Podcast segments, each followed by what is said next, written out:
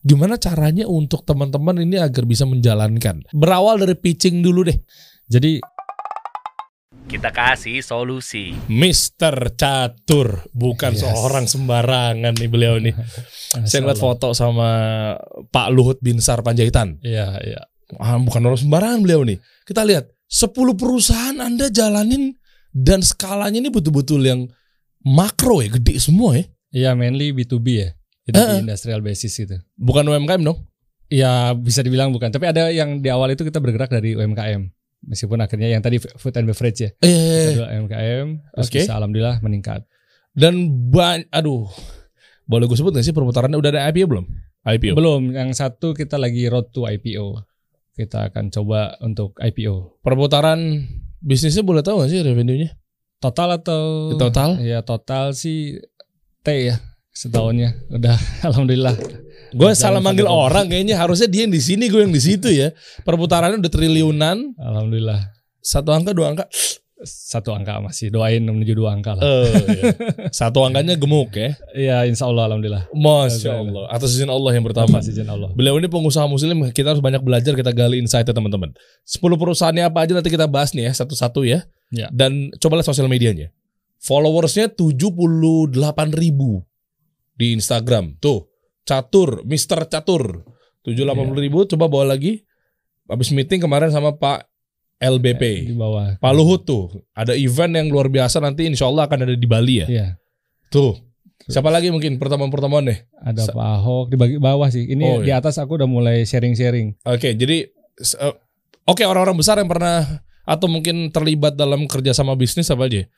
Eh, ya Pak Luhut, Pak Ahok. Pak Luhut, Pak Ahok, Pak Khairul Tanjung, kita pernah juga apa eh, komunikasi dengan beliau. Meskipun dalam rangka waktu itu kita diundang sebagai salah satu pengusaha muda yang inspiring. Jadi beliau ngundang kita, dikumpulin dalam acaranya. Terus rencananya kisah-kisah kita itu diangkat jadi buku. Selanjutnya ini gue jadi bocorin nih. Oh, nggak teaser-teaser aja. Justru malah buat persiapan ntar pas rilis Iya, nih. iya, iya. Iya, iya. Jadi beliau yang akan ininya gitu. oh. Nah kalau toko-toko lainnya direksi BUMN hampir banyak ya semua ya, terutama di bidang energi gitu kita kenal semua. oh, Alhamdulillah.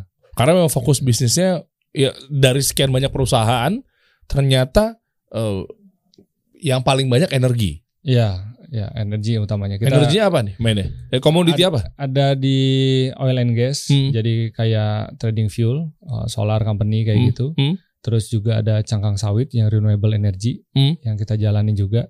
Terus ke LNG, turunan-turunan dari uh, oil and gasnya lah. Jadi tiga komponen itu yang kita gerak sekarang gitu. Kalau lu Hmm. nggak nge-share sih harusnya kayak keterlaluan banget lu nggak berbagi pengalaman sama audiens gue nih. Siap, Pada mau siap. nggak teman-teman? Hah? Sepakat ya? Hah? Oke, kalau pada mau kita lanjut nih ngobrol nih. Pada mau kayaknya pada mau semua nih Siap, ngambil siap. insight ya. Bismillah. Dan juga kan bahkan menariknya dipercayain ya menjadi distributor atau mungkin importer lah Iya, dari Dari Dubai, Dubai. sama dari Inggris, Slovenia dan Amerika kita juga pegang apa authorized distributor untuk produk komposit. oh, pipa ya. Pipa sama melting board.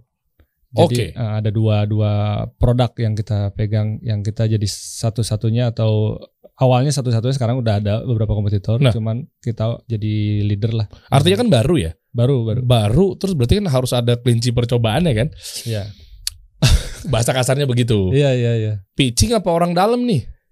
Kita ini pitching semua. Pitching Jadi- semua? Betul, pitching. Oke, siapa kelinci percobaannya? Gue pengen tahu aja. Itu pertama kita project di Indonesia Power. Langsung. Indonesia Power. Hey, hey, hey, hey. Indonesia Power, pitching bukan pakai orang dalam, Iya. tender menang. Alhamdulillah. Ya kan ada banyak dong pasti Ah, kan. Betul. eh, calon-calonnya Iya, kan. calon-calonnya. Akhirnya menang. Nanti boleh dong share dong gimana cara lolos pitching ya Ya, dengan proyek insya Allah boleh. mungkin ratusan miliar apa segala macam kan? Mm-mm. Atau mungkin puluhan miliar kan? Iya. Tuh sama Pak LBP. Eh bukan, Pak Ahok. Pak LBP yang di atas. Yang tadi di atasnya. Oke. Atasnya. Coba lihat perusahaan-perusahaan nih, kita data ya teman-teman ya, kita cek ya kelas-kelasnya skala yang mana. Nanti kita eh, sama-sama eh, minta solusi sama beliau nih, Mr. Catur nih, pengusaha Muslim, Amin. masya Allah nih. Bahkan juga, uh, ringan tangan juga insya Allah nih. Insya Allah. Bonju Indonesia yang pertama, FNB. Iya, iya. FNB-nya, Dia produk cireng salju bumbu rujak lah. Kalau apa namanya Oke. dulu pernah kenal gitu. ya, ya, ya. Bumbu rujak karena itu cukup fenomenal. Oh itu lu ya? Itu diliput juga beberapa media waktu itu. Eh, Alhamdulillah Itu salah satu uh, keran rezeki pertama. Woi, keren rezeki pertama. Yang Yang kedua adalah M Nindo Jaya Abadi Logistik Tracking. Iya. Jadi uh, angkutan, kita main truk, angkutan, jasa angkutan, Hmm. uh, ngangkut komoditi, batu bara, pasir, uh, batu dan lain-lain. Hmm. Itu klien-klien kita juga perusahaan nasional sama perusahaan asing juga. Salah satunya Semen Siam Group ya kalau boleh nyebut nama gitu. Nih, Itu yang perusahaan Thailand, Hmm. terus Semen Merah Putih, uh, beberapa perusahaan lah kita apa kerjasama dengan mereka gitu. ini tracking bukan tracking. Iya truk, truk Truk, truk. pakai U. Iya truk, truk. Ada masuk mantan supir truk nggak tahu dan tracking, Tracking. tracking. Tiga Jagat Baratama, oh, namanya keren-keren banget. Oke, ini apa nih perusahaan mining atau? Ini kontrak eh, kontraktor mining. Hmm. Jadi kita nambang sel eh, apa namanya? sel mining, Hmm. sel stone Hmm. atau tanah liat lah clay. Hmm. Itu kita juga jadi partnernya di salah satu perusahaan BUMN di Indonesia, di Semen Indonesia Mm-mm. dan di beberapa perusahaan eh, nasional besar juga Sinarmas Group dan lain-lain gitu. Oh oke, Ya, tentu. oke. Ini ya, yang keempat Trans Energy Trading ya energi tadi ya. Iya, iya. Moto Energy, Trading Energy juga. Iya, Beliau betul. trader nih ya. Betul. Ya kan. Eh, Yang kelima nih HM apa HM nih ngomongnya? HM. Si- Inisial sama partner. Iya. Coba gue tebak kayak dari tiga ya, ada yang bener gak ya H-nya ya? Eh, yang pertama mungkin ada Harry, Handi, Hu- Hu- Hutomo. Harry. Wah, Harry. Bisa nebak nih.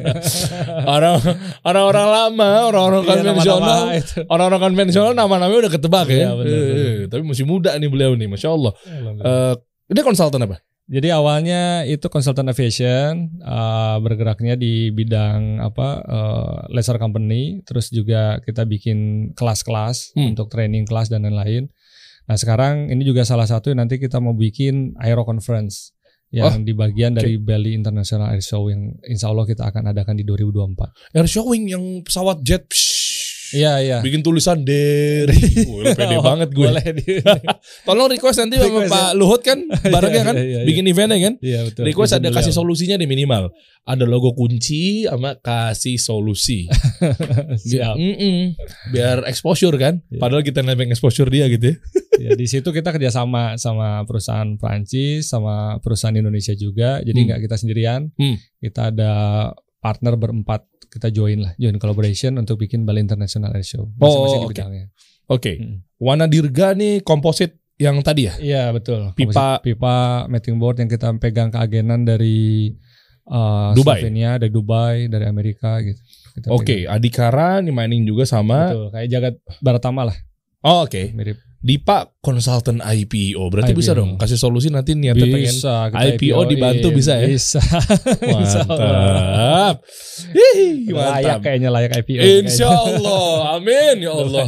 Iya kan pengen juga kan teman-teman audiens-audiens kita muslimin yang pengen kepemilikan kasih solusi kan. betul betul Insya Allah betul. kan mungkin ada ya teman-teman ya, jadi betul. pengen berbagi lah. betul Ya, yang ke-10 Cakra Internasional. Ya ini kita bikin perumahan sebenarnya ini juga eh, jadi supplier juga sih agent supplier juga tapi core-nya di perumahan Bang ente udah kayaknya udah dapat semua ya kayaknya. ya. Mau ngapain lagi sih?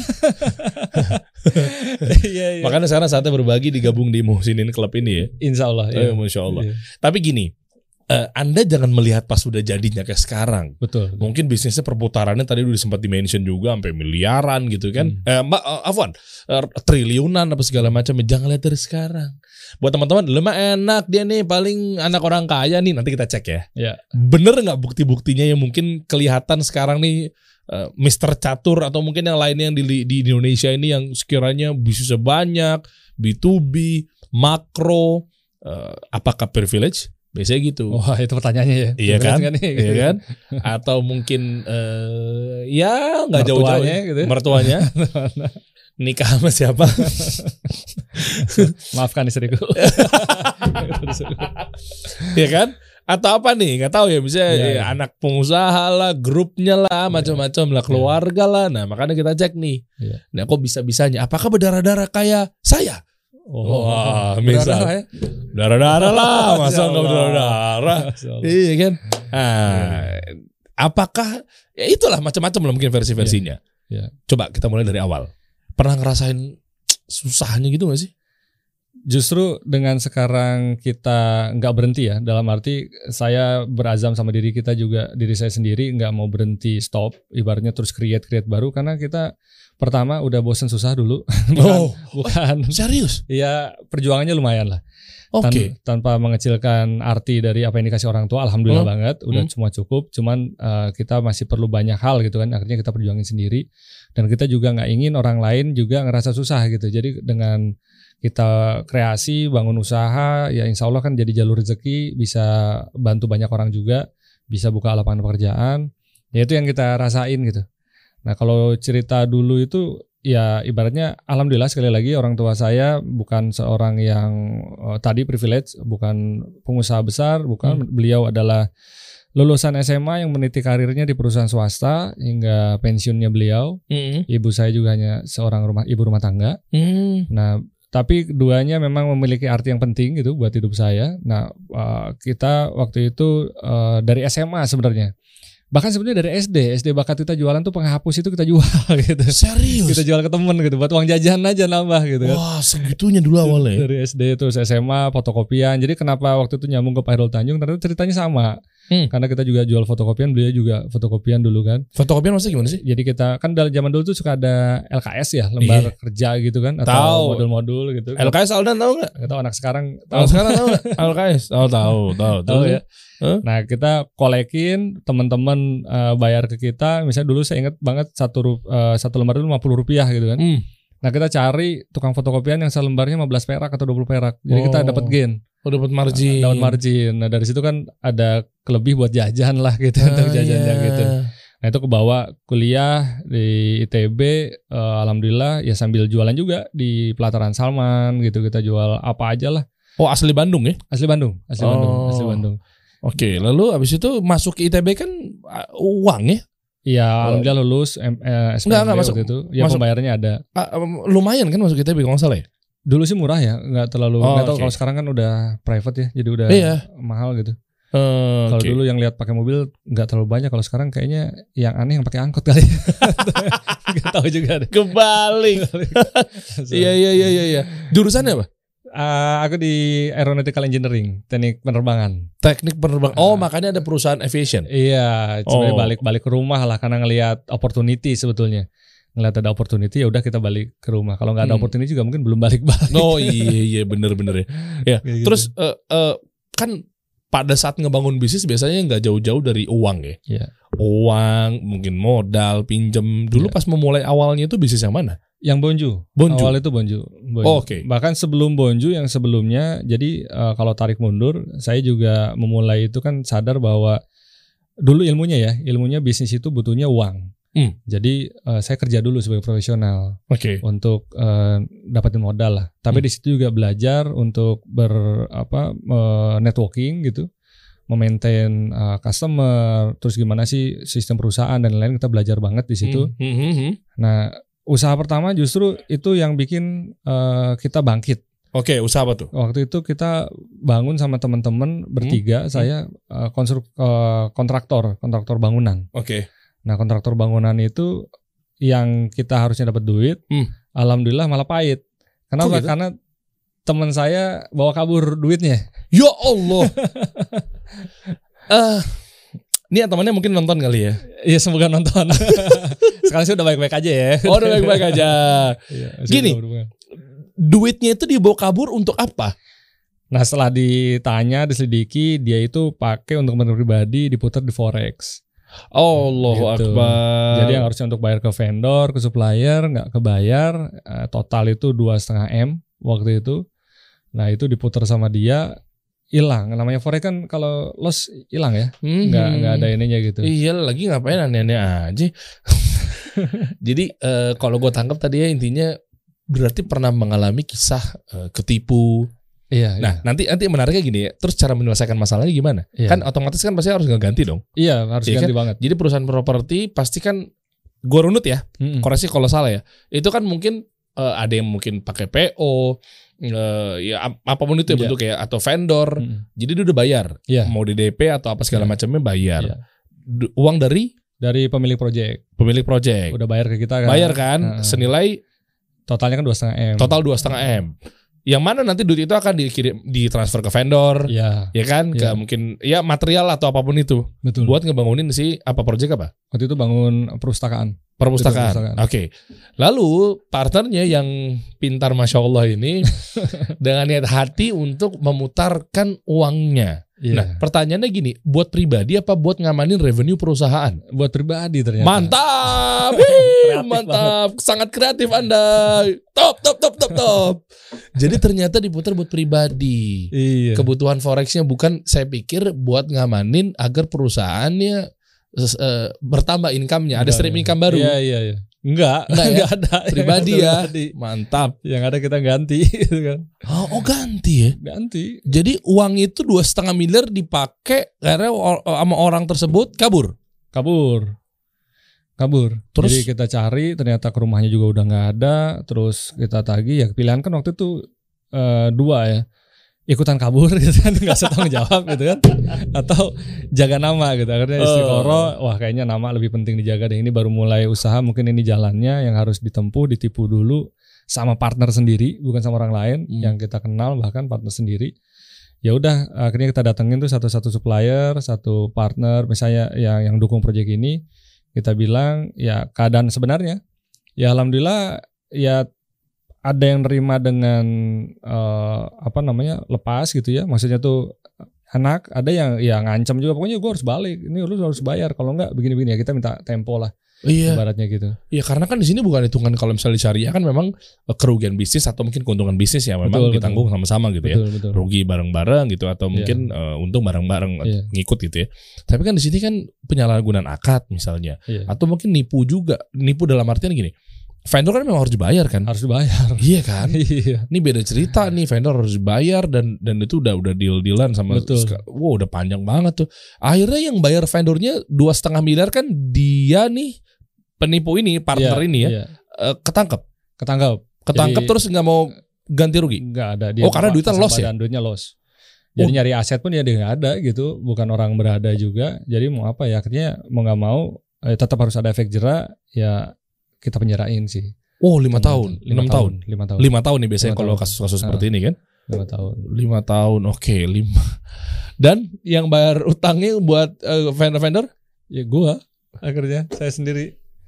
Itu posisi apa ya eh, titik yang kalau kalau sering cerita itu eh, titik balik ya. Titik balik. Jadi itu baru nikah anak baru lahir berapa bulan gitu Alhamdulillah istri saya makanya saya makasih banget sama istri yang selalu menemani dalam kondisi susah waktu itu selalu Wah. support kita ketipu eh, dan harus itu sampai di apa namanya pernah tuh kita di pinggiran terminal gitu ya, duduk gitu sampai bingung mau ngapain gitu ini pegang HP doang ini hubungin siapa untuk minta bantuan segala macam kan nah itu posisi yang benar-benar apa namanya eh, down ya tapi alhamdulillah karena punya orang tua yang basic agamanya tuh kuat banget jadi pesantren hidup saya Hmm. itu dan itu mungkin satu kali satu-satunya sampai saat ini saya belum melakukan malu juga sebenarnya kita puasa Daud jadi oh karena gitu. lagi susah puasa Daud jadinya oh tirakat puasa Daud padahal memang nggak punya uang buat makan salah satunya itu juga. Yang penting anak istri dulu kan. Tapi puasa Daud Allah. sekarang malah lupa nih belum pernah puasa Daud lagi. nah itu Akbar itu kan jadi lupa deh. Astagfirullah kan. Nah, oke Eh, ya mau nggak mau kita harus nyelesain.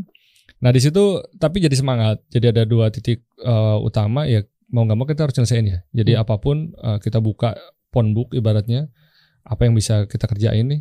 Terus yang kedua eh gue harus ngerti masalah keuangan nih. Dulu dulu kan nyerahin ke orang gitu ibaratnya ya. Jadi Oh. belajar tentang finance, tentang arus kas dan lain-lain lah everything about finance gitu itu penting banget di bisnis oke kita belajar. Nah untuk eh, usahanya sendiri ya orang mungkin mikir kan biasanya pada saat udah nggak ada uang terus mau bikin apa nih gitu kan ya Hmm. semua butuh modal.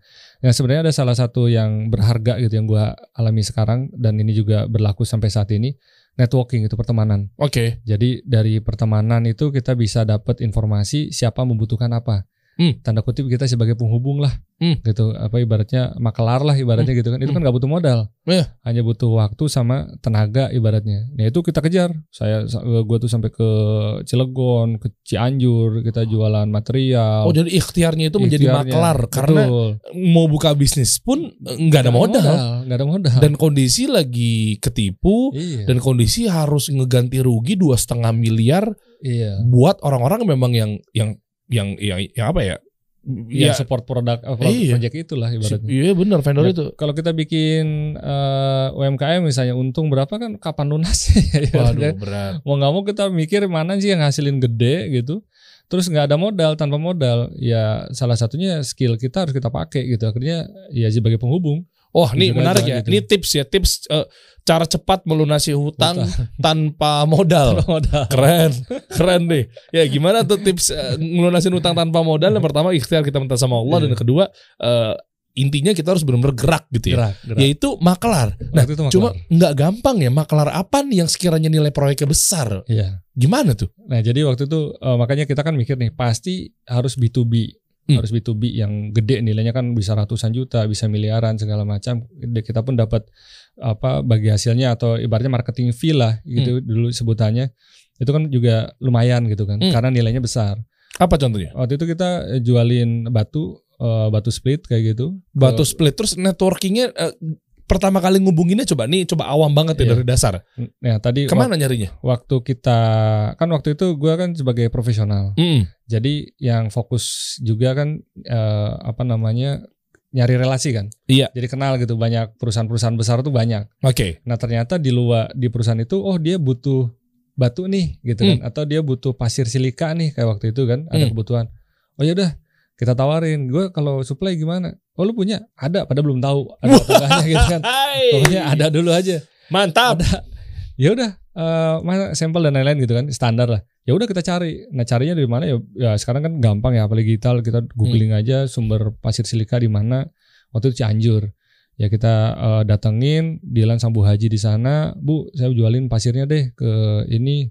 Oh ya boleh gini gini dari saya harganya sekian. Ya udah saya masukin sekian kan dapat margin kan. Hmm. Tapi bayarnya saya setelah dibayar sama eh, klien. Oh. nggak apa-apa dibilang gitu kan. Ya udah akhirnya alhamdulillah dengan kepercayaan itu jalan gitu termasuk Oh. yang batu juga eh, kita jalanin jual udah dapat margin ya itu jadi keuntungan kan itu Hmm. kita nyicil fokus utama pokoknya nyicil utang Oh ya. kita juga pernah brokerin kapal ada yang mau jual kapal Jual kapal. dia jual kapal tanker gitu Eh.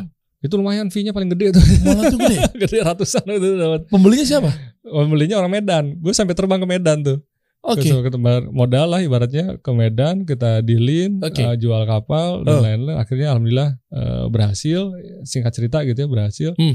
dan orangnya komit ya kita dikasih eh, marketing fee lah untuk penjualan kapal gitu kayak Oke. kita jual rumah gitu ibaratnya kan Oh gede banget ya. Nanti sebelum gue cari tahu berapa tuh fee-nya ya. Tapi sebelumnya tarik mundur bentar. Eh, Tahu informasi kalau ada penjual kapal sama pembeli kapal gimana ceritanya? Nah itu banyak bergaul lah. Kalau saya eh, bilang itu ke teman-teman semua kalau ini seperti Abdurrahman bin Auf kan ya kita Hmm. ini banyak market dalam arti market ini ya kita banyak-banyak keluar rumah. Hmm. Bener-bener gaul tuh sama siapa aja lah dari dulu waktu dalam hak kerja pun kita ke semua orang itu kita golkan informasi tuh banyak di situ. Hmm. Nah dari situ satu persatu kan akhirnya deket kita kenal ke si A, si B kenalin lagi akhirnya kayak gitu-gitu gitu. Hmm, hmm, hmm. Nah, oh pas kita ingat oh si ini kan dulu butuh kapal. Oh ini si ini ternyata jualan. Jadi sebenarnya juga Oh. ada campur tangan Tuhan pastinya ya. Ya. Karena eh, mempertemukan gitu. Nah, alhamdulillah juga jadi jalan wasilah nyelesain utang karena kita niatnya untuk nyelesain utang. Eh, ya itu pertemuannya seperti itu. Tapi kalau bisa dibilang kok bisa sih eh, ketemu? Ya kadang-kadang juga nggak tahu bakal jualan kapal gitu. Nggak Hmm. tahu pokoknya apa aja berteman. Eh lu punya apa misalnya kan? Ya gue bantu jualin Hmm, lu punya apa gue bantu jualin si A oh ternyata lu butuh apa ya udah gue bantu cari cariin oke. kayak gitu gitu Iya, berapa komisinya? Kalau yang kapal itu lumayan 300 juta oh itu 300 Dapat. juta. Udah kayak jual rumah sama apartemen. Eh enggak juga ya?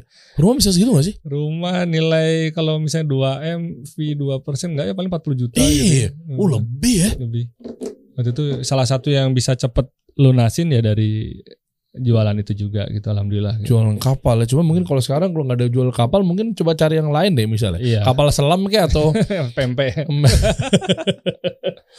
Oke, itu belum lagi tuh sisanya mana tuh masih 300 juta, masih puluhan juta. Pak pasir berapa? Eh batu berapa? Oh ya kalau Oh, kumpul-kumpul kecil ya? sih kecil, cuman dia ritase kan.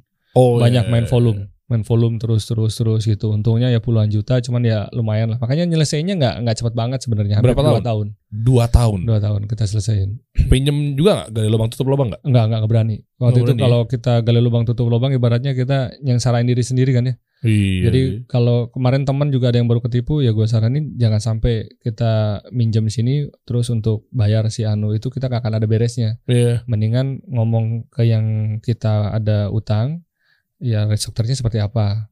Nah dari situ kita ikhtiarnya yang mana, nah itu posisinya lunasin aja dulu utang. Nahan Hmm. nahan ikat pinggang lah ibaratnya Iya. gitu. Sementara si penipunya atau mungkin partnernya itu enak-enakan di penjara ya. Dimasih makan ya. Kenapa waktu itu ikutan nyemplung? Nauzubillah, nauzubillah. Iya, iya, iya, iya. Iya, iya. Abis itu setelah itu mau nggak mau selama dua tahun begitu udah lega, baru kepikiran untuk bikin usaha atau itu nyambi juga bikin Sambil usaha. terus, sambil terus, sambil eh, kan kejadian ketipu itu kan 2009. Oke. 2009 ketipu eh, kita selesaiin. Nah 2011 itu eh, saya dengan partner itu bikin cireng salju itu. Itu resepnya punya partner sebetulnya. Oke. Cuman ya alhamdulillah sekali lagi Allah tuh kayaknya ngasih karunia eh, diri itu kayak oh, bisa bisa ngendus gitu. Ini ini potensi nih, potensi cuan nih gitu. Oh, oke. Kira-kira kayak gitu. Makanya kenapa Masya jadi Allah. banyak perusahaan terus ya insya Allah juga di akhir tahun ini nambah satu lagi entitas bisnis yang kita telurkan apa tuh? di bidang aplikasi digital Wih. untuk gedenya. Hmm. Nah, alhamdulillah. Jadi kayak ngelihat ada potensi paman gober kali ya. Cuan gitu. Gila, Ibaratnya. zaman dulu banget. Pada tahu tuh paman gober? Tahu nggak? Tahu semua Oh kayaknya. ya harusnya legend. Iya iya iya, gua main punya komiknya tuh. Iya. Nah di situ sambil bikin bonju. Nah bonju alhamdulillah diterima masyarakat sampai se Indonesia sampai kita ekspor waktu itu. Nah dari situ jujur aja eh, bisa ngembangin yang lain-lain. Termasuk Mnindo ini juga sebetulnya Hmm. dari pivoting bisnis yang bonju itu gitu. Sebagian revenue-nya itu kita alihin untuk beli truk. gitu. Untuk kita tahu ini ada opportunity, ada perusahaan asing baru masuk. Ini juga lucu ceritanya perusahaan asing ini datang gitu, kita dikenalin orang, Hmm. dikenalin ini ada perusahaan yang butuh eh, tracking logistik, lu bisa nggak? Bisa. Padahal posisi waktu itu kita belum punya truk. Lah terus gimana caranya? Jadi ini ini eh, bongkar tips ya. Iya Jadi iya iya. kadang-kadang kita nggak usah punya eh, dulu. ini nggak tahu syariah atau enggak, tapi kita eh, pede aja dulu gitu kita ketemu. How do you eh, apa namanya? How much eh, fleet do you have gitu kan? Heeh, heeh. 40 kita bilang 40 unit. Padahal nggak ada sama sekali. Sebentar, ini kita kita bahas ya. Gua nggak mau nyinggung mengenai hukumnya syariah enggak enggak enggak. enggak. Itu tuh tuh porsinya ustadz lah ya. Iya, iya. Tapi mungkin kalau yang gua eh, tangkap di sini nggak tahu. Mister Catur ini nih pemikirannya sama apa enggak nih? Kita kita samain persepsi Iya. kita nih ya. Jadi yang gue tangkap tuh ketika kita berprasangka baik sama Allah. Iya. Bismillah yakin. itu betul. Iya kan? Itu poinnya Nah, sih. ya poinnya itu dulu ya teman-teman ya. Betul. Kita rapihin dulu deh niat, rapihin dulu Betul. deh tauhid kita, akidah kita dan lain sebagainya. Sehingga Bismillah yakin Allah kan maha kaya. Iya. Allah pasti kasih yang terbaik gitu. Iya, betul. Toh juga kita kan niatnya kan baik. Makanya tadi kalau gue tangkap ada nggak Bismillah Insya Allah bisa Iya, istilahnya bisa. gitu kan. Ya, berarti jangan sampai bisa. Ikhtiarnya di maksimalin, gitu. jangan mentok di bisa. Terus ya udah tungguin aja ntar juga Iya. datang. Emang tuh- truk kedebok depan muka lo kan nggak begitu. Iya, iya. Ah, Akhirnya bilang 40 kesebutnya dia butuh 40. Enggak, enggak. Lah. Ke- Keucap aja. Keucap Oh. 40 gitu. Apa spontan gitu. Spontan aja gitu. Terus Terus mikir langsung. nah, ada mau mau nggak mau kan di situ karena udah keucap bismillah tadi ya mikir kita cari partner yang punya truk banyak. truk apa sih truk? Truck, truck. Oh, dump truck. Dump truck. Oh, oke. Nah, kita jadi intinya kan bisnis itu kalau menurut gua ya bisa dimulai dari eh, produk kalau zaman dulu ya kita kan Hmm. bicara konvensional Iya iya. iya. atau market. Hmm. Karena kita pernah posisi di Makelar, nah kita tahu ini yang penting ada dua ini bisa jadi cuan gitu jadi bisnis. Ya udah mulai dari mana nih? Waktu itu kita mulai dari market berarti. Hmm. Kita udah punya nih calon pelanggannya. Iya. Tinggal kita cari trackingnya gitu kan. hmm. Nah, akhirnya kita cari beberapa partner yang mau termasuk bersirkah dengan eh, partner juga Oke. gitu. Dia invest trackingnya, kita sistem bagi hasil, yuk kita bikin. Tapi kan nggak mungkin 40 langsung. Hmm. Itu kan itu, itu kita dua dulu unit tuh. Kita Mau dia? beli enggak sisanya Oh. pakai subkon ceritanya. Oh, Gitu kan, tipis partner. dong. Marginnya tipis Gak apa-apa, yang penting kan kita bisa berbagi eh, apa namanya eh, tapi jalan gitu bisnis. Hmm. Nah yang lucunya kan dia mau mau cek nih mana gudangnya gitu kan. Kita kan belum punya. ya udah gudang kita ke partner itu kita bilang ini izin ya kita klaim gudang kita ya. Kita ganti tuh logo-logonya M. Trackingnya tempelin stiker M. Ini trik ya. Jadi kalau apa calon pembeli kerja perlu pinter-pinter nih. Tapi ingat ya, catat garis bawahin. Hmm, Kita coba diskusi ya. Eh, kalau lu nggak dapat izin, ini kan sebenarnya pola sekarang kan kayak semacam reseller atau distributor, eh, dropshipper kali ya. Istilahnya gitu kali ya. Iya mungkin ya. gitu. Gue nggak tahu ya. Iya. Tapi kalau yang tadi gue nggak tahu tuh, maksudnya berbohong apa bukan? kayak gitu. Oh, udah kepepet kayak gitu. iya. Tapi tapi gini, eh, ada satu lagi, bukan kita jadi pembenaran ya di Iya, sini. iya. ya. gue ngelihat bahwa di sini kan kita dapat izin dari si Dapet. Pemilik kan? Pemilik dapet. Nah, Betul. pemilik Rido kan. Ridho. Nah, gue nggak tahu tuh. Ridho. Eh, bukan nyari pembenaran ya. Iya. Eh, bukan gue juga belain Mr. Catur nih teman-teman nih. Sebentar. Iya, iya. Tapi artinya eh, kalau gue lihat dari sini, gue gak tahu deh ini masalah apa bukan. Tapi eh, apakah mirip apa bukan dengan metode kayak semacam reseller, dropshipper yang memang ternyata kita nggak punya barang, kita nggak punya toko, Hmm. ya kan? Tapi kita dapat ridho dari dia nih eh, buat ngejualin Hmm. eh, atau mungkin maklon. Kan Agak beda dikit kan? beda ya kayaknya. Beda. Iya sih beda-beda juga ya. Ujung-ujungnya gue mau pembenaran juga lagi nih jangan-jangan. ya. Tapi kan lu ngeganti semua sih ya. Jadi ibaratnya kan kalau banyak eh, konsep gua itu kan udah jadi part of us. Karena kita kan awalnya udah eh gua ada kerjaan nih di SCG. Lu mau nggak support? Iya, iya, iya, kontrak paham. sekian. Heeh. Oke, mau semua. Nah, tapi nanti pas ada site visit pakai gudang lu ya. Gitu, Iya gitu itu dia ya. tuh. Iya beda juga sih sama maklon ya. Kalau Maklon kan Iya, tadi gue mau belain lu sih. Berarti lu bohong. Enggak, enggak, enggak. Enggak, enggak, enggak, enggak. Enggak tahu gue, enggak tahu enggak masalah hukum Ya, deh. bohong ke si eh, pem- pemberi kerja sih iya kayaknya ya. pengakuan dah, pengakuan dah. Iya, iya, oke Ada- lanjut lah ya. Trik, trik sama bohong tipis ya. Tipis banget, tipis banget. Nih kita lihat mana masalahnya, mana ininya Iya, deh. Ya gue gak tahu itu kan waktu cerita dulunya Iya, cerita ya. dulu gitu. Ya mudah-mudahan kalau emang ternyata disinyalir begitu ya udah tobat. Udah enggak sekarang aman. Iya. Tapi nggak apa-apa. Ini buat ambil ibro, buat ambil Iya. pengalaman nih, Iya. pelajaran yang penting banget kita ambil buat kita. Siapa tahu kan teman-teman di sini ada yang mengalami hal yang sama. Iya, mungkin betul. utang, mungkin Betul, hidup betul. susah. Betul. Ya kan, tenang lu. Insya Allah lu nggak sendiri gitu ya. Betul. Oke. Abis diganti mereka datang, tek. Abis itu oke percaya. Oke kan, berarti kita punya gudang, punya kontrak segala macam, dapatlah kontrak gitu. Dan sampai Hmm. sekarang karena kita perform, at the end-nya kan performance gitu.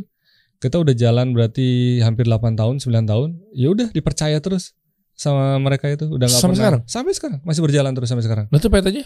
PT Mindo itu masih jalan terus. Nggak yang stikernya apa segala? Ah, tetap kita kerjasama. Jadi sebagian tetap tracking kita, sebagian eh, partner. Oh. Jadi subkon lah, kayak subkon gitu. kan. Subkon, Jadi oke. dia nge-sub eh, track dia daripada dia nggak lakukan kalau di bisnis itu kadang-kadang gini gue lihat itu ada yang punya market dia nggak punya eh, apa namanya eh, toolsnya lah atau produknya. Ah, setuju. Ada yang punya banyak nih produk tapi dia nggak tahu gimana dapetin market Oh iya. kan gitu kan. Hmm. Nah akhirnya kita temuin kan, ya ini sini kita punya market dan kita cari yang punya truck banyak tapi banyak anggurnya Hmm. nggak dia nggak jago nyari market gitu kan. Mhm. Ya udah kita ajak kerjasama kolaborasi daripada dia truknya nganggur gitu kan ibaratnya Iya kayak betul. gitu. Kayak gitu gitu. Sampai sekarang gitu ya. Alhamdulillah sampai sekarang Oh, jalan nih. terus. Pengalaman-pengalaman unik apa lagi kira-kira yang yang yang kadang kan biasanya kan jam terbangnya udah Iya nggak sembarangan nih kan tuh Iya. dari mulai Bonju ini kan Iya iya. tahun 2014. Iya, secara officialnya PT-nya 2014. Kalau Oh. pelaksananya dari 2012. Iya kan 2011. coba ke bawah deh, ke bawah deh. Ini ini pertama kalinya rintis usahanya ini justru ya. Mm-mm. Tuh bawa lagi. Oh iya, cereng ini paham gue rame Iya. nih dulu nih. Iya. Oh, oke, sampai sekarang masih bertahan, masya Allah. Alhamdulillah. Iya iya iya. iya. Nah, terus pengalaman setelah ini kan macam-macam ya. Karena ngomongin B2B itu kan ada aja. ya. Sulitnya sulitnya apa deh? Jangan lihat enak-enaknya dulu deh. Iya iya. Apa aja kira-kira? Kalau sulit eh ibaratnya kan ke sekarang ya, terutama sekarang itu eh, jujur-jujur aja semua punya tanda kutip jagoan. Iya. Dan ada titipan lah ibaratnya si A, si B, si C. Nah, Mm-mm. mau nggak mau sekarang kalau B2B kita harus gede banget atau kuat banget di personal branding kita. Ya. Makanya kenapa eh, kita silaturahmi gitu sama petinggi-petinggi segala macam biar Hmm. awarenessnya tuh tahu oh si catur ini bukan sembarangan loh gitu. Eh, Nah ini pernah kejadian juga. Jadi salah satu perusahaan kita yang ya gue sebut aja yang WDN ini mm, ikut tender normal ke salah satu BUMN. Dicuekin tuh email kita apa segala macam dicuekin. Nah karena tadi kita perkenalannya udah meluas, kita ke beliau komisaris utama dari perusahaan itu mm. cer- nanya kan, gimana lu katanya ada usaha apa? Ya gini gini gini. Ada eh, kendala nggak? Ya masih dicuekin sih. Apa namanya kita udah jalur. Oh ya udah kirim suratnya ke saya. Oh, Nah, pas kita kirim suratnya, nggak lama kemudian, mal, jadi kita kirim suratnya itu sore, jam 4 sore, gue inget banget. Malamnya di root perusahaan ini perusahaan besar nasional ya, telepon oh, dengan Pak Catur. Wah, ini ini orang susah ketemu dia gitu. Dia Oh. telepon kita gitu. oke. Bisa minta waktu Pak ketemu besok. Dia terbang dari daerah Sumatera, terbang ke Jakarta jam 9 pagi hanya untuk nemuin gue. Bu. Jadi kan ada atensi. Iya, iya, gitu. iya, iya, Ada iya, atensi iya. yang tadi. Jadi eh, kalau dibilang apakah ya sekarang nggak sekarang kita memang s- apa namanya beberapa ya jalur biasa itu oke ya, tapi ada hal-hal yang Privilege. perlu gitu. Nggak Iya, bisa iya. pungkiri lah, perlu ada attention dari higher level untuk ngelihat kita nih diperhatikan. Karena pada saat Eh. udah kita masuk, udah Hmm. tuh nggak ada masalah. Iya, memang Betul. personal branding ya. Iya. Ujung-ujungnya maksudnya dalam artian dalam arti positif gitu ya. Mm-mm. Artinya ketika kita punya personal brand yang kuat sehingga eh, duit tuh ngejar kita, Iya. bukan betul, kita betul, yang ngejar duit Betul. gitu. Artinya eh, jadi di situlah letak bahwa lu punya knowledge apa, lu punya skill apa. Capek karena kalau kita ngejar duit, dia nyamperin kita. Yes. Nah makanya kan Kerasa pentingnya tuh ilmu branding di situ ya. Betul. Makanya pengen belajar nih. Alah, Coach lah, Derry lah, nih, lah, lah. raja branding. ini alhamdulillah banget nih bisa ke sini. Gue apa fans dari kasih solusi. ini. Masya Allah, masa sih? Wah, saya- kita ketemu waktu di. Jadi gini guys, by the way, eh, Mr. Catur ini ternyata eh, salah satu peserta di Bootcamp 360 Business Blueprint loh. Iya, iya. Kok ngapain Itu udah punya bisnis sih. segede ini triliunan kok malah masih ikutan workshop atau bootcamp kita sih? Nah, itu juga pertanyaan menarik karena Kenapa? waktu itu gue tuh dapat dari mana ya dari WhatsApp kan ya atau apa? Ih, kita ngeliat kan dulu kan banyak kebutuhan kebutuhan kita nggak Hmm. tertarik ikut. Hmm. Nah pas lihat di sini package-nya ini lengkap. Ini ini Anas ya jujur ya gue Hmm. nggak di endorse loh nggak dibayar Oke. sama sekali. Ini kita nggak janjian ya? nggak janjian. Nggak janjian ya dengan angka 49 juta loh Sejuta, iya. untuk bootcamp ya. Iya. Oke. Nah, kita ada fokus satu tadi kan dari beberapa usaha yang kita jalanin dulu. Hmm. Itu jujur aja eh, manajemennya manajemen ninja lah ibaratnya. Gimana tuh? pokoknya kita dapetin order, jual, pokoknya nggak rugi intinya gitu lah. Mhm. Ini nggak rugi, grow terus. Tapi mungkin secara fundamental eh, manpowernya atau ditanya, lu kalau PT ini lima tahun ke depan ngapain? Kagak tahu juga ya. Mau ngapain gitu kan? Iya. Karena ya udah ya udah jualan kita trading gitu. Oh. Yang ini ngapain? Gak tahu juga ya kayak kayak kayak gitu gitu. Nah, bongkar pasang orang juga sering. Nah, sedangkan satu yang WDN ini kita desain dari awal, yuk kita tobat, kita bikin perusahaan yang bener-bener eh, kita jagain. Makanya meskipun perusahaan yang termasuk baru, tapi malah ini yang kita pilih untuk road to IPO. Oh, Karena betul-betul dari sisi finance, pajak dan ini kita jagain. Hmm. Nah pas lihat di apa eh, informasi itu ada Coach Uzak, gue juga follower dia gitu di ilmu keuangan. Wah ini penting banget nih untuk ngelapin keuangan. Terus ada Coach Rene gitu kan di HR suka ngikutin juga pola pikirnya. Nah pada saat growth kan tim member ini yang harus diperhatikan. Hmm. Nah ini wah gue pengen banget itu. Nah terus eh, apa namanya ditambah dengan eh siapa yang Coach Dari- Andik. Andik Eh, yang itu untuk dokter. B2B-nya. Oke, Dokter Indrawan Nugroho. Nah, gongnya itu pas kita kan gue juga butuh personal branding kan. Oh. Nah, ngeliat ini kasih solusi ini baru. Oh. Tapi lu bisa bisa cepet gitu kan Masya Allah, brandingnya. Masya Allah. Dan ah, ini wah ini perlu nih belajar. Nah terakhir yang bikin menarik lagi jujur aja beberapa peserta juga sama itu Coach Indrawan Nugroho Hmm. hadir di sana itu eh, kita juga subscribernya gitu kan ibaratnya Hmm. cara berpikir dia Sama ya. innovation Hmm. dia, thinkingnya ngebedah tuh nggak lagi judulnya nggak contoh-contoh kayak Motorola atau Nokia, nggak nggak Hmm. yang itu tuh lagi, Hmm. tapi malah Marvel. Yang itu gue baru tahu tuh, oh ternyata dia shiftnya begini. Jadi Iya. ada sudut pandang yang lain.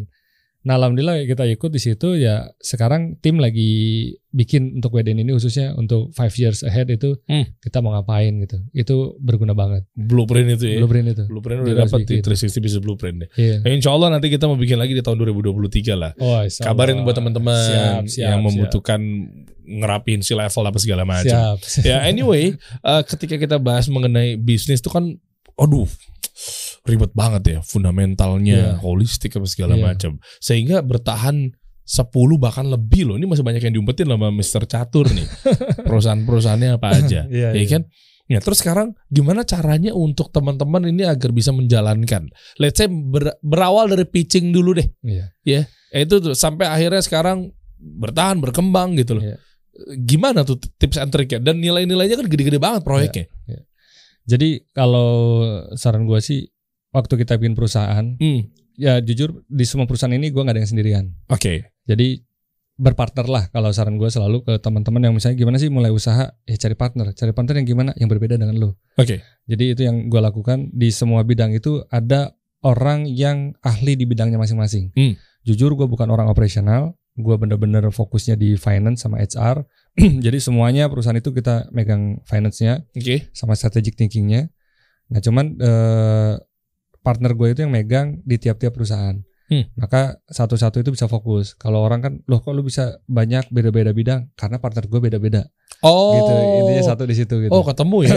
Soalnya f- finance itu bisa masuk ke semua. ke mana-mana, Iya. ke mana-mana finance. Kita belajar finance kan bisa masuk mana-mana. Hmm. Cuman yang operationnya ini beda-beda. Dia Iya. harus spesifik kayak di pipa, gue punya partner yang jago banget di sana. Di aviation punya partner yang jago banget. Di mining kontraktor dia jago banget ngeletek banget tentang alat berat dan lain-lain gitu kan.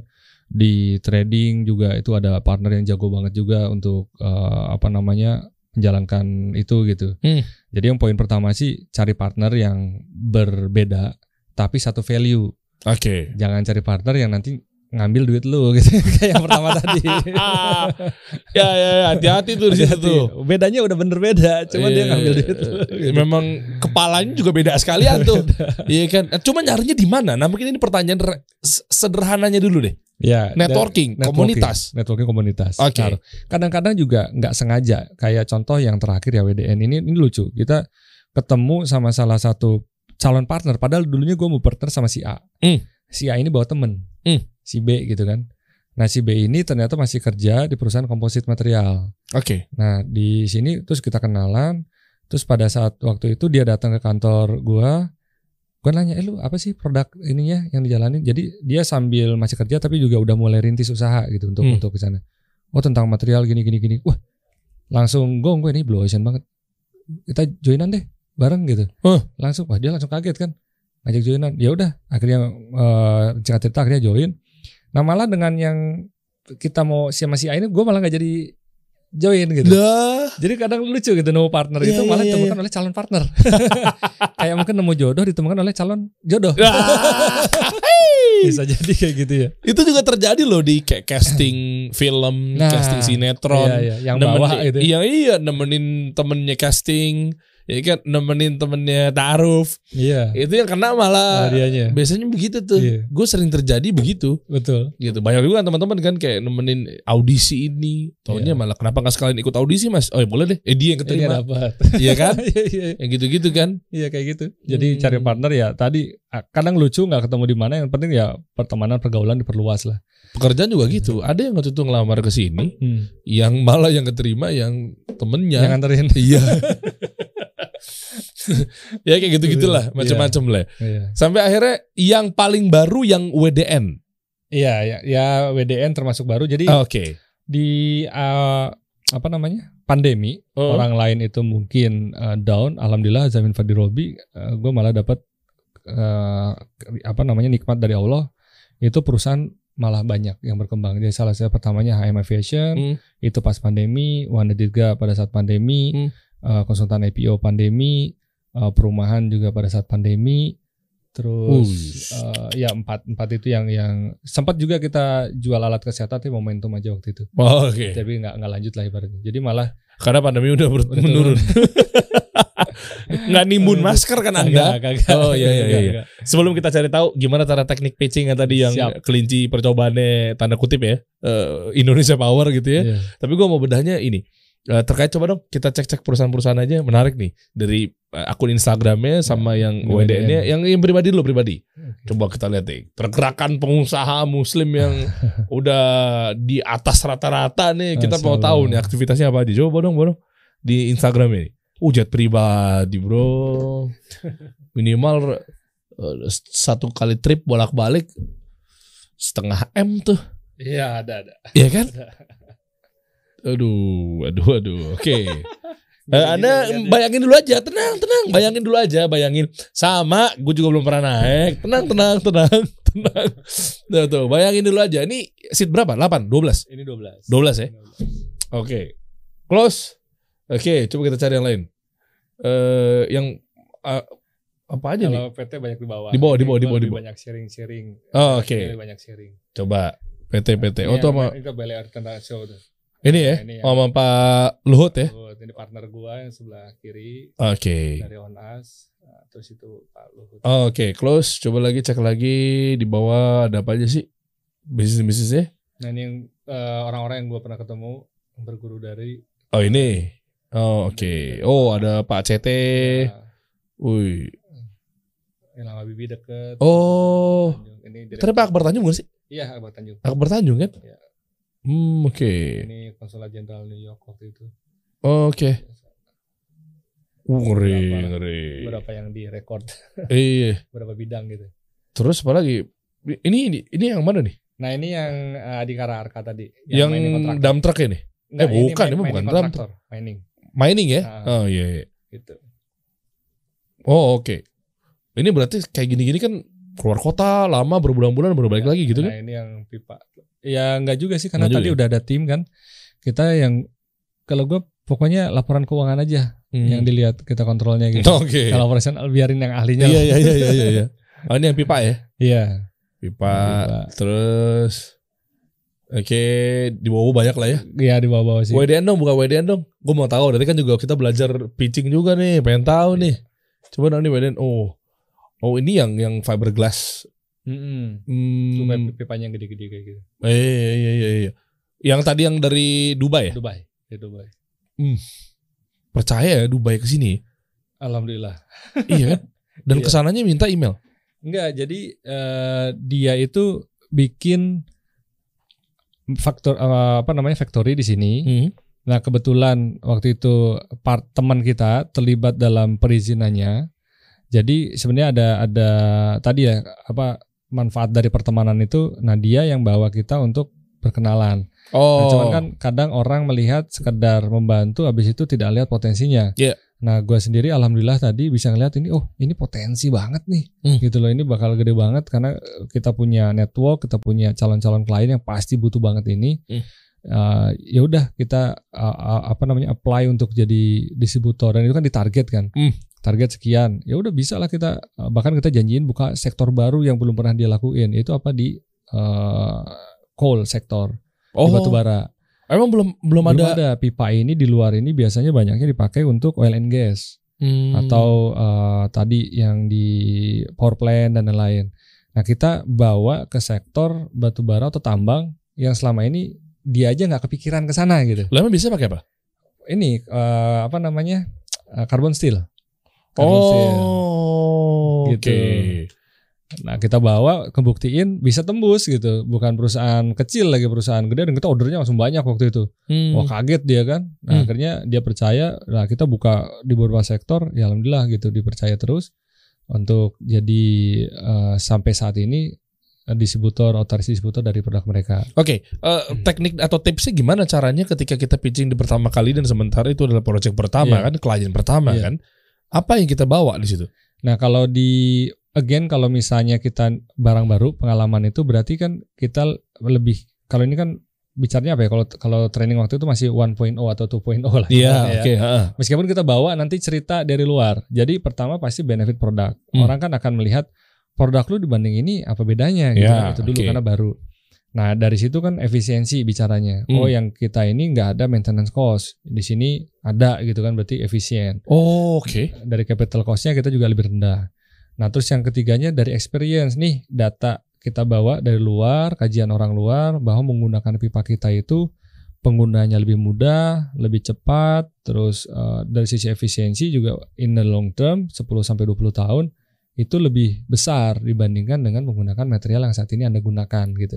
Oh, Jadi, gitu mainnya. Digabung gitu ibaratnya gitu. Iya, Jadi iya. ada testimoni ibarat ibaratnya ya, testimoni kalau produk kan gitu, testimoni dari luar. Terus eh, experience-nya kita sampaikan dan kita kasih ini apa namanya eh, trial Hmm. gitu. Lu cobain trial misalnya terus nanti pak, eh, pakai dulu ibaratnya cara pakainya oh, ternyata mudah, gampang dan lain-lain dan benar secara capex waktu itu lebih rendah. Akhirnya perusahaan kan cari efisiensi ya Hmm. di awalnya. Ya alhamdulillah dapat itu goal gitu. Wih, Gitu. Yang utamanya berapa waktu itu pas pas pas kan menang tender ya? Nang tender. Ya, yang yang yang pitching berapa orang? Berapa perusahaan? Nah, yang sebenarnya yang full package itu hanya kita. Karena kita tadi produk dan jasa. Hmm. Yang nah, yang kedua, kita menang ini di jasa. Jadi salah satu eh, kunci yang gue selama ini lakukan di bisnis bisnis ini kita eh, cari tim yang memang ahli di bidangnya. Hmm. Yang tadi caranya apa? Ya mau nggak mau hijack. Oke. cari yang udah pengalaman kita tarik gitu kan. Apa contohnya di di departemen apa? Ya di apa di sini untuk operationnya sama apa eh, marketingnya dia orang yang expert di dunia komposit material. Oh, Gitu. oke. Nah kita tarik, akhirnya grup biasanya kalau in, kepalanya sukunya ditarik nih, Bawa gerombolan. gerombolan. Oh, Nah, bawa gerbong. gerbong. Akhirnya sekarang only- kita bisa katakan the only one company yang bisa serve eh, jasa untuk pemasangan komposit material only Wanda Dirga. Gitu. Wih, serius. Serius karena yang punya sertifikasi manpower, yang punya pengalamannya udah ngumpul di kita semua. udah kita Curang. tarikin semua. Curang nih, pakai rumus Barcelona, sama Real Madrid. Pantesan paling banyak di Champions League gitu. ngambilin. Belajar dari football ya. Ya, ya, ya. Ya, kayak gitu. Oh, kuat-kuat gitu ya. Ya Liverpool boleh lah, Chelsea kadang-kadang gitu kan. MU. Ya, kayak kayak gitu-gitu tuh. Oke. Terus sekarang mau ngapain lagi? Udah begini Mr. Catur. Nah, yang Apa yang Anda belum belum dapatkan gitu? Apa mungkin pengembangan bisnisnya atau mungkin Iya. apa? Mungkin buat teman-teman juga kasih tips deh. Kalau udah kayak gini tuh gimana sih perusahaan-perusahaan yang Ah. eh, iya IPO udah. Iya, iya. Oke. Jadi eh, balik lagi kan ke roadmap hidup ya. Hmm. Gue punya roadmap hidup itu selesai di 40 dan bukan berarti meninggalkan dunia ya sama dulu ya. Gue baru ngomong. Maksudnya mau udahan lo, mau udahan secara hormat apa gimana? Nah di 40 ini gue pengen berhenti atau bukan berhenti ya, men, eh, memaksimalkan waktu yang utama untuk ke sisi eh, agama lah ibaratnya kayak Masya gitu. Allah. Doain. Alhamdulillah, Mr. Catur udah hijrah. Alhamdulillah. Allah. Nah itu jadi cita-cita dari dulu kenapa gue gila-gilaan bangun usaha terus eh, ibaratnya dan lain-lain karena ya satu gue pengen gue sekarang punya utang dalam arti eh, bukan utang finansial ya Hmm. ke istri gue yang dulu dukung tapi mungkin utang waktu yang dulu sampai saat ini gue masih harus sampai malam Oh, iya. segala macam. Hmm. Nah ini gue pengen ada waktu nanti buat dia itu eh, ya udah kita quality time bener-bener gitu. Hmm. Nah itu yang pacaran lagi lah pacaran ya. lagi lah Pacaran gitu lagi, kan. mantap. Karena dia yang udah sabar support sampai malam gua apa usaha gitu kan, dia jagain anak dan lain-lain. Hmm. Nah yang kedua tadi eh, pengen lebih fokus eh, ke umat lah, makanya sekarang ya gua gabung juga di komunitas-komunitas yang ke arah sana gitu. Hmm. Nah terus bisnisnya gimana sambungannya? Ya bisnisnya berarti kenapa ikut training, kenapa scale up knowledge? Gue pengen bisnis ini bener-bener bukan diri kita. Jadi bisnis ini jalan tanpa adanya kita. Itu nomor satu gitu. Hmm, Oke. Nah terus yang keduanya at the end-nya bangun bisnis itu kan sebagai legacy. Hmm. Nah legacy ini biar manfaat buat banyak orang ya salah satu uh, way-nya adalah dengan nanti IPO. Hmm. Agar orang profesional bisa masuk, kita hanya sebagai founder, lalu kita sebagai mungkin shareholder aja, nggak nggak bener-bener ke operasional, sehingga waktu kita udah bisa alokasi ke yang lain gitu. Hmm. Nah ini jadi goalsnya nextnya apa sih? Ya selama belum 40 gue akan terus bangun usaha. Contohnya kayak sekarang eh, Alhamdulillah per akhir tahun ini di closing dengan membangun satu unit usaha baru yang Hmm. tadi di aplikasi. Hmm. Tahun depan udah ada insya Allah direncanakan ada dua unit usaha baru lagi. Kita Hmm. barengan bersirkah eh, bareng-bareng sama temen. Nah yang lain kita road uh, mulai untuk dilepas gitu. Oh. Jadi di scale up, dicantikin, dibenerin sistemnya. Makanya ikutan training waktu itu. Masya gitu. Allah. Biar apa sih ini tulisan? Biar usaha jalan, pebisnisnya bisa jalan-jalan. Iya, nah itu iya. kuncinya. Iya, bisa. Nah jadi serahin aja sama ahlinya gitu kan? betul. Maksudnya begitu kan? Betul. Jadi ya, orang-orang yang profesional silakan di situ terusin sebagai direktur Iya. misalnya. Iya, Ya direktur utama mungkin Mr. Catur udah ke belakang tuh. iya. Ya udah udah naik ke atas lah. Ya, intinya kayak gitulah. Kayak dulu kan pengen usaha juga biar bisa waktu sama orang tua kan. Waktu ngeramin kerja kan kita ya sampai malam, Hmm. sampai 8 to 5 atau lebih. Uh, waktu untuk orang tua tuh kurang gitu. Hmm. Nah dengan ini kita bisa kapan aja nih kayak kemarin mau ke Cimahi, ya udah ke Cimahi aja gitu kan. Udah Hmm. udah jalan gitu yang lain. Nah kalau target 40 ya tadi pengen lebih manfaat karena prinsip hidup gua nih kalau boleh sharing bukan untuk memperkaya diri tapi sebagai saluran rezeki buat orang lain gitu. Masya Itu Allah. yang, yang selalu ditanemin. Masya Allah. Makanya bisnisnya pipa ya. Jadi Ternyata bisa- dijabah sama lo jadiin pipa. bisa menyalurkan kan. Ih, pipa kan begitu kan bisa Iya. menyambung. Yang tadinya dari sini jadi segini jadi segini bisa ngebelok. Masya Iya. Allah. Tapi yang paling gue gak tahu gue mau challenge bukan challenge sih. Eh kayak seru-seruan aja. Yang paling disayang meskipun semua disayang ya. Iya. Tapi yang kayaknya baby banget nih. Yang paling Yang- berjasa, yang paling bisnisnya memang kalau dari segi duniawinya mungkin oh ini nih kayaknya nih potensial panjang lah di Iya. segala aspek apa segala macam gitu atau mungkin apa? Iya. Atau Kalau yang paling tadi lihat long termnya yang memang kita jagain saat ini eh, yang utama WDN tadi ya. Hmm. Terus yang kedua eh, konsultan IPO karena itu benar-benar dibutuhkan ternyata Oh, oke. orang kan benar ke sana ya. Nah, Oke. WDN ini benar-benar future karena kalau bisa dibilang sekarang masih blue Hmm. ocean Mhm. jadi belum banyak pemainnya Mhm. dan ini kan kita menggantikan produk new Hmm. solution teknologi gitu Iya, iya. material. Jadi ini masih banyak market yang belum kita convert ibaratnya gitu. Masya Allah. Jadi masih masih gede banget insya Allah. Semoga Allah mudahkan lah. Amin, amin. Mau konsultasi bisa dong buat yang bisa, lainnya. bisa. Apa bisa. biasanya buka sharing eh, Q&A atau eh, Ya, ya biasanya sih, konsultasi IPO eh, eh, macam-macam. ya, Di, lu- di luar dari bisnis deh. Ya sekarang ini sih jujur masih sharingnya based on community ya. Jadi perkumpulan misalnya di alumni, di ikatan alumni atau di Oh. perkumpulan us- usaha gitu atau Mhm. di eh, organisasi. Jadi baru belum secara umum. Hmm. Makanya kita lagi bangun personal branding ya. Kita juga ditegur sama guru kita kan Kiai, lu banyak follower, lu harusnya sharing juga dong biar manfaat. Makanya Hmm. mulai sharing-sharing. Iya. Ternyata pas kemarin belajar ilmu branding dari Coach Derry kan, oh ternyata emang pertama sharing dan inspiration. oh nyambung ternyata Kiai. Wah, gitu. iya. Masya Allah. Ya memang ada enam pilar ya. Iya. Ya kan, It- eh, bukan menggurui lah, tapi memang benar enam pilar yang paling cepat untuk ngebangun personal brand atau mungkin ber- kebermanfaatan buat orang ya pasti dari dua di Iya. antara empat yang lainnya, ya. Iya. yaitu ya inspiration sama education. Betul. Ketika dia bisa menginspirasi, oh, oke ternyata gue nggak sendiri, ternyata gue punya teman, ternyata bisa juga nih dipakai nih ilmunya, ah macam-macam. Iya, iya. Ketika itu kan dia kan butuh, Betul. gimana cara mengaplikasikannya kan? Betul. dia betul. belajar lagi, diajarinnya lewat edukasi. Betul. Oh ternyata begini caranya, how Betul. to-nya begini, caranya Betul. begini, langkahnya begini. Dua itu yang lainnya Betul. mengikut, Betul. kayak ada conversation, promotion itu ngikut lah. Hmm. Ya, Benar. makanya- Makanya mulai Wah. sharing sama educate kan rata-rata kan gini nanyanya tuh. Hmm. Gimana sih cara milih bisnis gitu kan? Iya. Apakah dari yang mana nih? Apa mau retail atau modal gede atau modal kecil? Ya kalau gue bukan dari situ fundamental utamanya adalah punya prinsip 2L. Apa tuh? Yang pertama legal, yang kedua logis.